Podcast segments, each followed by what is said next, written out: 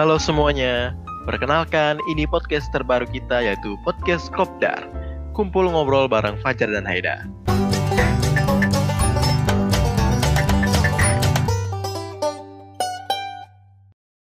Ini adalah salah satu proyek kami sebagai mahasiswa ilmu pemerintahan Universitas Sultan Ageng Tirtayasa dengan mata kuliah gender dan politik. Jadi, kami di sini akan membahas uh, persoalan terkait dengan keterlibatan perempuan dalam politik. Nah, benar tuh. Pada kesempatan kali ini, kita akan mencoba membahas mengenai peran perempuan dalam dunia politik yang sebelumnya telah kami bahas melalui poster yang telah kita upload pada kanal Instagram di @miruza. Nah, di sana sudah terjadi diskusi dan tanya jawab yang nantinya akan kita bahas di akhir segmen ini. Nah, berbicara mengenai peran perempuan dalam dunia politik, menurut lu nih Jar, sebenarnya seberapa penting sih peran perempuan dalam dunia politik? Nih peran perempuan atau keterlibatan perempuan dalam politik itu penting Dar. Dalam suatu peran rata sosial, keterlibatan aktif setiap individu dalam suatu kelompok merupakan suatu kewajiban. Begitu juga dalam konteks bernegara, setiap warga negara memiliki hak untuk andil dalam setiap pengambilan keputusan publik tanpa melihat perbedaan seperti latar belakang contohnya itu uh, suku agama, ras, dan juga termasuk di dalamnya yaitu gender. Hal itu harus dilakukan untuk dapat menciptakan manfaat yang sama bagi seluruh individu di masyarakat. Begitu juga dengan perempuan. Perempuan itu memiliki peran yang penting dalam politik dan perspektif kaum perempuan juga itu dibutuhkan dalam setiap pembuatan kebijakan supaya setiap kebijakan yang ada itu seimbang atau tidak hanya condong kepada salah satu perspektif saja. Dan perempuan juga itu dibutuhkan dar dalam menjelaskan terkait dengan kebutuhan apa saja yang dibutuhkan oleh kaum perempuan itu sendiri. Nah, betul tuh. Maka dari itu, perempuan tidak boleh bersikap apatis terhadap politik dan harus ikut berperan aktif dalam setiap proses pembuatan kebijakan publik. Perempuan juga wajib masuk politik karena politik merupakan sebuah jalan yang menentukan nasib kita nantinya dalam uh, berbagai bidang, contohnya ekonomi, sosial, bahkan pekerjaan kita nanti semua um, akan terpengaruh oleh kebijakan publik yang dibuat dan disahkan nantinya. Nah, maka dari itu keterlibatan perempuan dalam dunia politik menjadi penting karena agar kebijakan dan peraturan yang nanti disahkan tidak mendiskriminasi kaum perempuan dan sesuai dengan kebutuhan dan kondisi kaum perempuan itu. Nah, berbicara mengenai keterlibatan perempuan dalam dunia politik nih di Indonesia, sebenarnya ada nggak sih dasar hukum nih Jar atau peraturan yang mengatur tentang keterlibatan perempuan dalam dunia politik di Indonesia? Nih, dan Indonesia ini hebat loh, Dar. Karena dalam peraturannya aja sudah memasukkan peran perempuan di dalamnya Hal itu juga bisa dilihat dari Undang-Undang Nomor 2 Tahun 2008 yang isinya itu di mana mengharuskan setiap partai politik yang ada itu harus menyertakan keterwakilan perempuan minimal 30% dan dalam pendirian maupun dalam kepengurusan di tingkat pusat. Wah, bahkan sampai tingkat pusat aja bukan cuma di daerah. Berarti memang sudah ada nih peraturan yang mewajibkan keterlibatan perempuan dalam dunia politik. Selain itu apalagi nih Jar? Ada nggak peraturan-peraturan yang lain?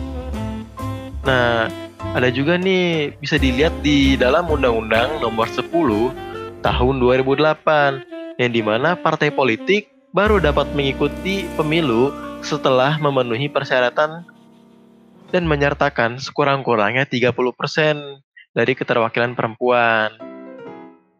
Berarti kalau keterwakilan perempuan kurang dari 30%, suatu partai politik tidak boleh mengikuti pemilu tuh, Jar. Berdasarkan hukum yang berlaku dan undang-undang ini itu tidak diluluskan alias kalau misalnya apa uh, ikut kontestasi itu dalam proses kualifikasi akan didiskualifikasi karena tidak mengikuti hukum yang ada. Begitu Haidar.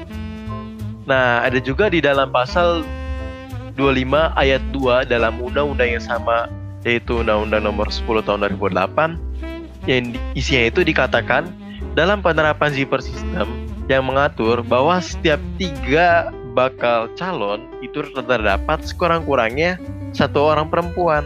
Jadi perbandingannya itu dar satu banding tiga dar. Ketentuan ini juga terdapat di dalam Hukum Undang-Undang Nomor 10 Tahun 2008 Pasal 25 Ayat 2 dengan tujuan untuk menghindari ketimpangan gender pada lembaga-lembaga politik yang merumuskan kebijakan publik dar. Hmm, jadi emang hebat nih negara kita dalam uh, keterlibatan perempuan dalam dunia politik. Nah, menurut gua karena peraturan ini udah ada, ini merupakan salah satu langkah yang baik karena peraturan merupakan salah satu faktor pendorong yang sangat besar demi partisipasi perempuan yang lebih besar. Karena gua ada referensi nih Jar di Apa itu, di benua Afrika bahwa tahun 1990 di Rwanda hanya ada 18% keterlibatan perempuan dalam parlemen. Nah, akhirnya pemerintah di sana mencarikan solusi nih bagaimana ya kira-kira agar perempuan di sana lebih ikut berpartisipasi nih dalam pembuat kebijakan dalam pembuatan kebijakan publik. Nah, akhirnya pada tahun 2001 pemerintah Rwanda membuat kebijakan seperti ini bahwa uh, minimal 30% ada keterlibatan atau partisipasi perempuan dalam parlemen. Akhirnya di 2009 membuahkan hasil nih Jar, bahwa di sana parlemen 60% merupakan uh, perempuan. Jadi perbin, per, jadi perbandingannya itu dua banding satu, duanya perempuan, satunya laki-laki. Akhirnya uh, itu membuktikan nih dengan adanya uh, regulasi atau peraturan maka itu bisa nih membuat uh, keterlibatan perempuan dalam dunia politik jadi meningkat gitu jar nah kita masuk nih jar dalam pembahasan selanjutnya nih.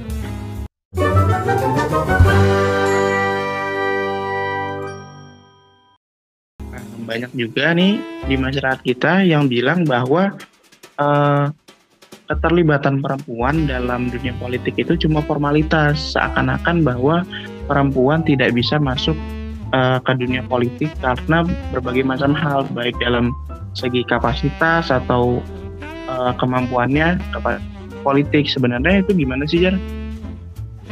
Nah itu nggak semuanya benar karena stigma dan stereotip perempuan dalam politik itu terbentuk akibat banyaknya kasus di mana keterlibatan perempuan dalam politik hanya dijadikan sebagai formalitas atau keterlibatannya itu tidak berdampak baik pada proses ataupun hasilnya.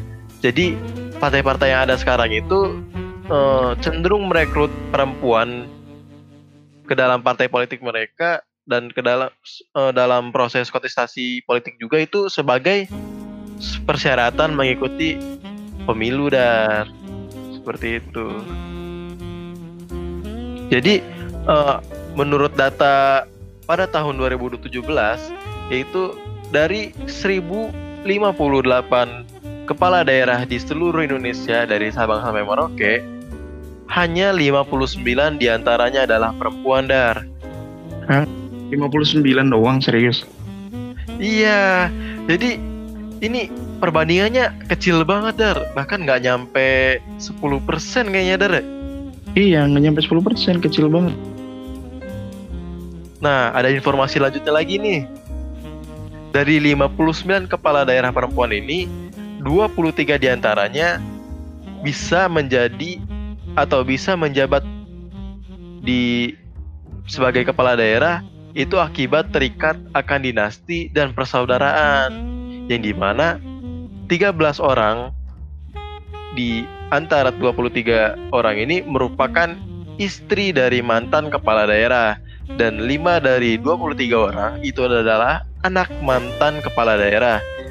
Dan 5 sisanya dari 23 orang merupakan saudara dari mantan kepala daerah. Jadi semuanya ini bisa berkeluarga dalam ya, intinya mah uh, banyak sekali kepala daerah perempuan nih yang masuk dunia politik memang karena uh, terikat nih akan dinasti dan persaudaraan gitu ya Jar ya. Iya, brotherhoodnya kencang banget ini ya dalam politik ya. Waduh. Nah, tadi kan lu udah ngasih penjelasan nih uh, salah satu kasus nih gimana keterlibatan perempuan dalam dunia politik itu sering kali kasusnya tuh nggak ngenakin gitu. Sebenarnya keterlibatan perempuan dalam dunia politik tuh jadi banyak yang nggak enak. Itu tuh kira-kira kenapa sih jar? Atau bisa dalam uh, penghambatan di dunia pendidikan atau kaderisasi partai atau gimana tuh jar? Nah penyebab perempuan itu agak kurang mengenakan itu karena uh, tidak adanya persiapan atau uh, manajemen yang matang gitu pada perempuan dalam memasuki dunia politik sampai kepada tujuannya. Yaitu dipengaruhi oleh uh, berbagai macam kondisi. Salah satunya itu adalah tingkat pendidikan tingkat pendidikan dari perempuan itu sendiri yang cenderung lebih rendah daripada laki-laki secara umum garis besarnya dan ada juga yaitu yang beranggapan atau berstigma perempuan itu lebih baik hanya untuk mengurusi urusan yang ada di domestik seperti mengurus berbagai macam kebutuhan rumah tangga dan sebagainya. Seperti itu, Dar. Hmm, jadi dengan adanya stigma-stigma itu akhirnya membuat uh, persiapan dari perempuan itu untuk memasuki dunia politik jadi kurang ya, Jar ya? Iya, nilai perempuan secara nggak langsung tidak seperti atau tidak setara dengan laki-laki pada umumnya.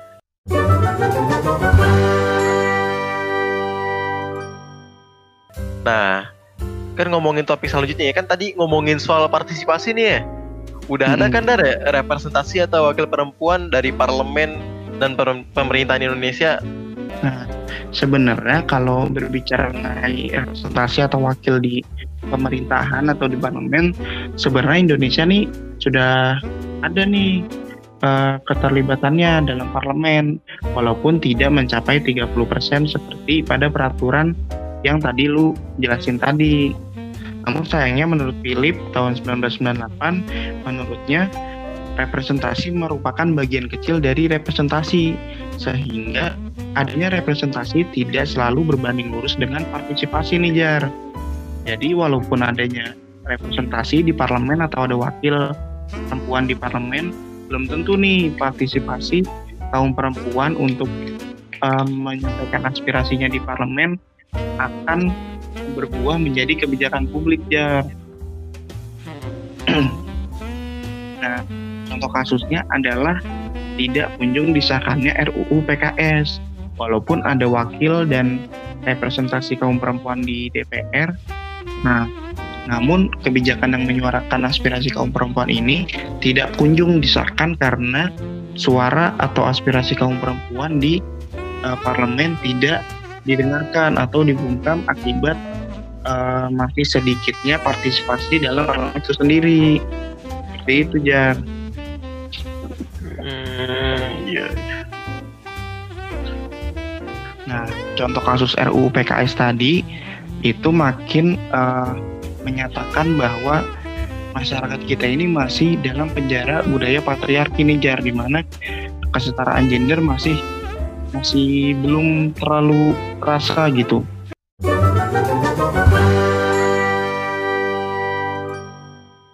Nah, uh, ketidaksetaraan gender ini bisa terjadi akibat beberapa hal nih jar. Salah satunya adalah stereotip stereotip yang terjadi pada kaum perempuan Nah, kira-kira apa aja sih Jar nih yang menjadi stereotip di masyarakat kita mengenai kaum perempuan? Nah, mengenai kaum perempuan, kaum perempuan nih uh, sangat erat gitu dengan kaitannya toksis stereotip dar. Ya ini di antaranya ada kodrat dar terkait dengan pekerjaan yang di mana perempuan itu selalu disambungkan atau selalu berhubungan dengan urusan domestik seperti sebelumnya yaitu mengurusi pekerjaan rumah, mau itu masak, mengurus anak, dan berbagai macam pekerjaan rumah lainnya. Nah, selanjutnya itu ada yaitu penampilan yang di mana perempuan dalam penampilannya itu dinilai tidak maskulin atau tidak cocok untuk berada di panggung politik sehingga perempuan itu tidak begitu dinilai penampilannya dan ada juga yang terakhir yaitu berupa sikap yang di mana pada pandangan masyarakat stereotip masyarakat itu dikatakan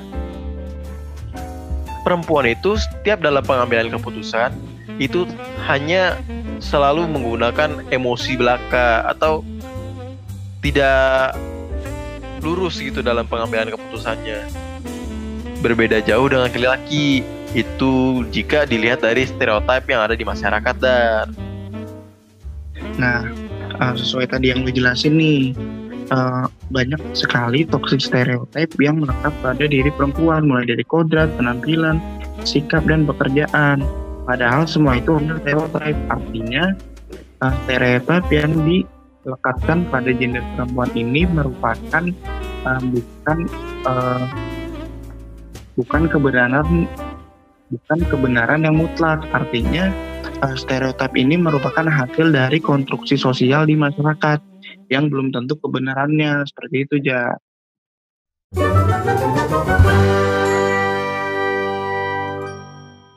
Terus uh, apakah ada penghambat gitu dari di dalam politik gitu? Seperti perempuan ingin ikut serta dalam politik tuh ada sesuatu yang menghambat gitu. Ada nggak sih dar kira-kira selain dari stereotip yang tadi? Uh, sebenarnya banyak nih jar yang menjadi penghambat keterlibatan perempuan dalam politik. Salah satunya yang tadi lu jelasin itu mengenai toxic stereotype.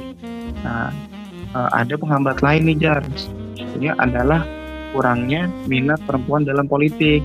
Itu berkaitan dengan stereotype yang tadi lu jelasin, di mana banyak sekali perempuan yang mulai dari kecil uh, dituntut untuk mengajarkan urusan domestik saja sehingga minat akan uh, politik menjadi berkurang. Nah, selain itu, uh, saat perempuan memasuki dunia politik, akan sudah diberi berir atau penghalang oleh masyarakat dengan stereotip-stereotip yang sudah dilekatkan. Misalnya nih, jika suatu perempuan menjadi presiden, langsung nih diberikan penghalang atau langsung skeptis, diberi skeptisme oleh masyarakat. Misalnya, di apakah bisa perempuan uh, mengurusi suatu negara dan memimpinnya?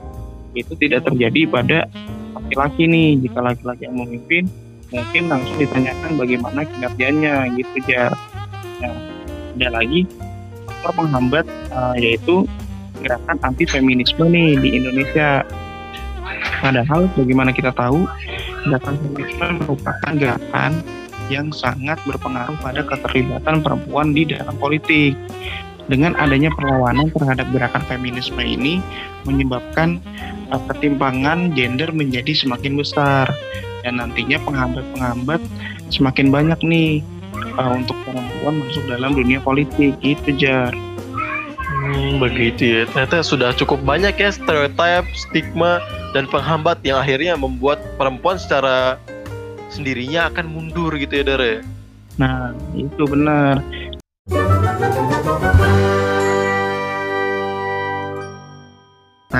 Setelah kita diskusikan bersama nih barusan mengenai penghambat keterlibatan perempuan dalam dunia politik, di tengah banyak penghambat ini, kira-kira ada nggak sih Jar bukti nih figur atau sosok perempuan yang bisa memimpin dan sukses nih dalam kepemimpinannya? Nah, buktinya itu ada dar di negara kita Indonesia itu salah satunya ada Ibu Risma. Risma mana tuh Jar? Risma Mania dong. Waduh, itu kan temanmu Jar. oh dong. iya, lupa. Iya, yang benar itu adalah Tri Risma hari ini. Ya di mana? Hmm. Ya, mantan wali di mana? kota Surabaya itu ya? Iya betul, mantan wali kota Surabaya yang sekarang menjadi Menteri Sosial. Di mana dalam pengabdiannya kepada kepala daerah atau sebagai kepala, kepala daerah ini memiliki banyak penghargaan. Di antaranya itu ada tiga. Di antaranya itu ada Women Empowerment Award. Terus selanjutnya itu ada President United Cities and Local Government. se-Asia Pasifik dan ada juga Insider Innovation Award pada tahun 2017. Nah, ini nih adalah uh, sedikit dari penghargaan yang kita cari dar. Hmm, itu. Iya, dan ini juga menjadi salah satu gambaran besar bahwa perempuan juga bisa juga menjadi seorang pemimpin dan memimpin sebuah daerah, bahkan sebuah negara. Hmm, ngomongin soal pemimpin perempuan ya Dar ya, ada nggak sih kira-kira uh, yang dari luar negeri gitu atau di luar Indonesia yang pemimpin perempuan? Ada dong. Itu oh, iya. satunya adalah perdana menteri di Finlandia, di mana dia adalah perdana menteri atau ketua negara, pemimpin negara termuda di dunia. Dia merupakan yang berusia 34 tahun nih Jar. Jadi di Finlandia itu partai koalisinya terdiri dari lima partai besar Jar, di mana lima partai besar itu dipimpin oleh perempuan semua nih. Nah, dengan adanya Perdana Menteri perempuan ini yang masih muda berusia 34 tahun ini, saya bisa membuktikan bahwa soal kepemimpinan ini tidak dipengaruhi oleh gender, namun dipengaruhi oleh kapasitas dan kualitas orang itu sendiri. Hmm, seperti itu ya, Dar. Waduh, udah nih kita sudah sampai di ujung acara nih. Apa lagi? Nah, kayaknya waktunya masih belum cukup nih, dah. Kayaknya kita coba cek di IG yuk, ada pertanyaan apa aja ya kira-kira. Oke.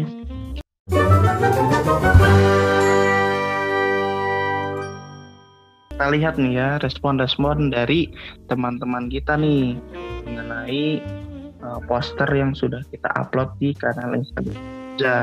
A-nya tiga ya. Nah, ini ada tanggapan nih dari sobat pena kita jalan.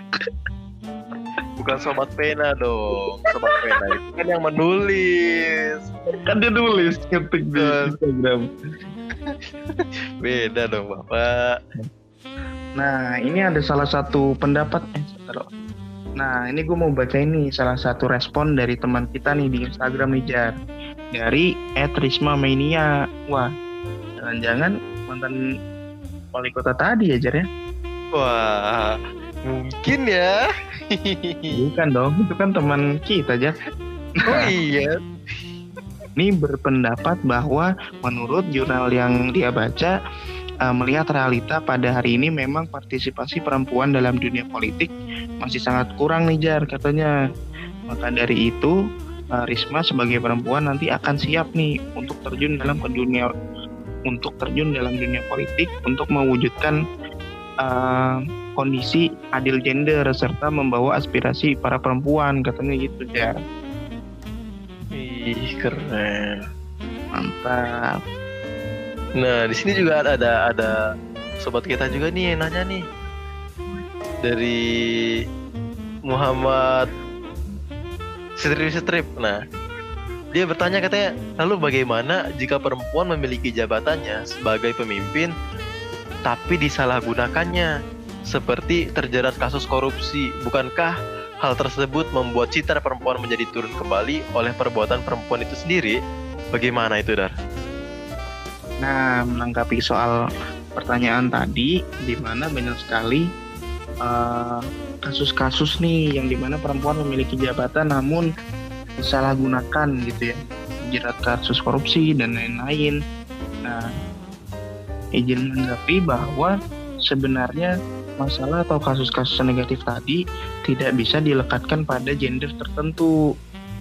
Itu juga bisa terjadi pada laki-laki. Maka dari itu dalam proses kaderisasi untuk uh, baik perempuan laki-laki masuk dalam dunia politik harus benar-benar dipersiapkan nih, ditanamkan nilai-nilai kebangsaan, nasionalitas sehingga saat nanti uh, menjabat sebagai kepala daerah atau jabatan strategis lainnya bisa bertanggung jawab dan mengemban tugas dengan baik seperti itu ja.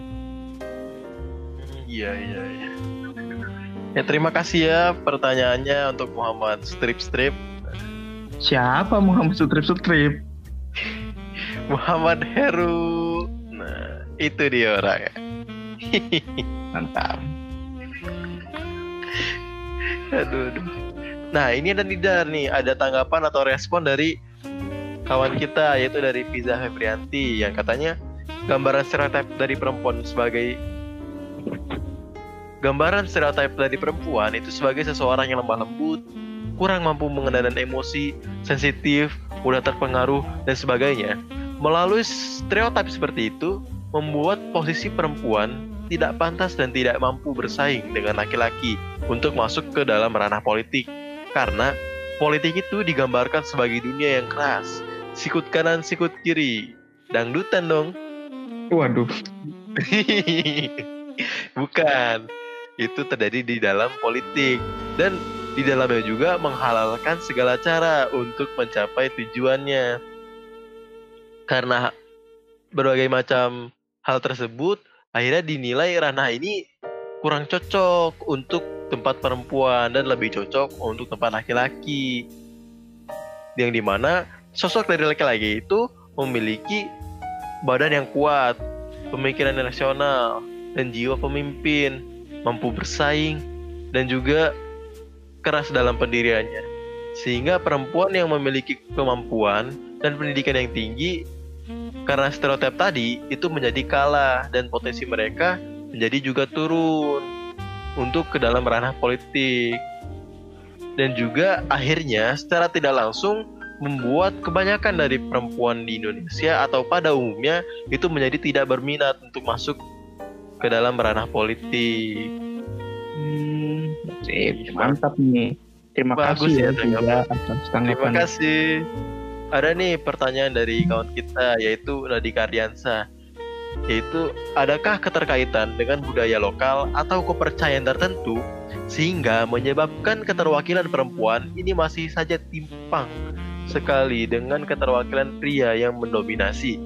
Ya, meskipun sudah ada kebijakan keterwakilan perempuan 30%, tapi masalahnya laki-laki masih mendominasi nih dalam politik negeri ini. Hashtag ketimpangan keterwakilan perempuan. Hashtag woman power. Mantap. Bagaimana tuh tanggapannya, ya? Nah, jadi gini nih, salah satu penyebab kuatnya budaya patriarki di Indonesia tidak lain adalah budaya dan agama. Tidak sedikit budaya adat di beberapa daerah di Indonesia masih menerapkan sistem patriarki nih dalam kehidupannya, di mana perempuan biasanya hanya berurusan dengan urusan domestik saja.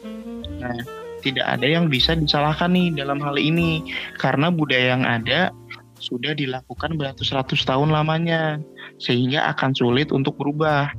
Namun, hal ini dapat dihadapi dengan edukasi dan pemberian pengetahuan. Kesultanan Jogja nih misalnya, yang dulu menempatkan laki-laki pada jabatan-jabatan strategis uh, dan melarang wanita dalam urusan politik dan uh, kesultanan, kini mulai menerapkan nih kesetaraan gender sehingga perempuan juga dapat memiliki peluang untuk menjabat jabatan-jabatan strategis di Kesultanan Yogyakarta seperti itu. Oh, seperti itu, Dar. Nah, selesai sudah nih pembahasan kita mengenai peran perempuan dalam dunia politik di Indonesia. Mulai dari dasar hukumnya, apa saja hambatannya, dan terakhir menanggapi uh, tanggapan-tanggapan teman-teman kita nih di Instagram mengenai poster perempuan dan politik. Terima kasih kepada para pendengar yang sudah mendengarkan podcast ini. Semoga podcast ini dapat berlanjut dan bisa dikontrak oleh Spotify. Terima kasih. Eh, Terima kasih. Kita terima endorsement loh. Mari kita coba. Mari kita coba. Mantap.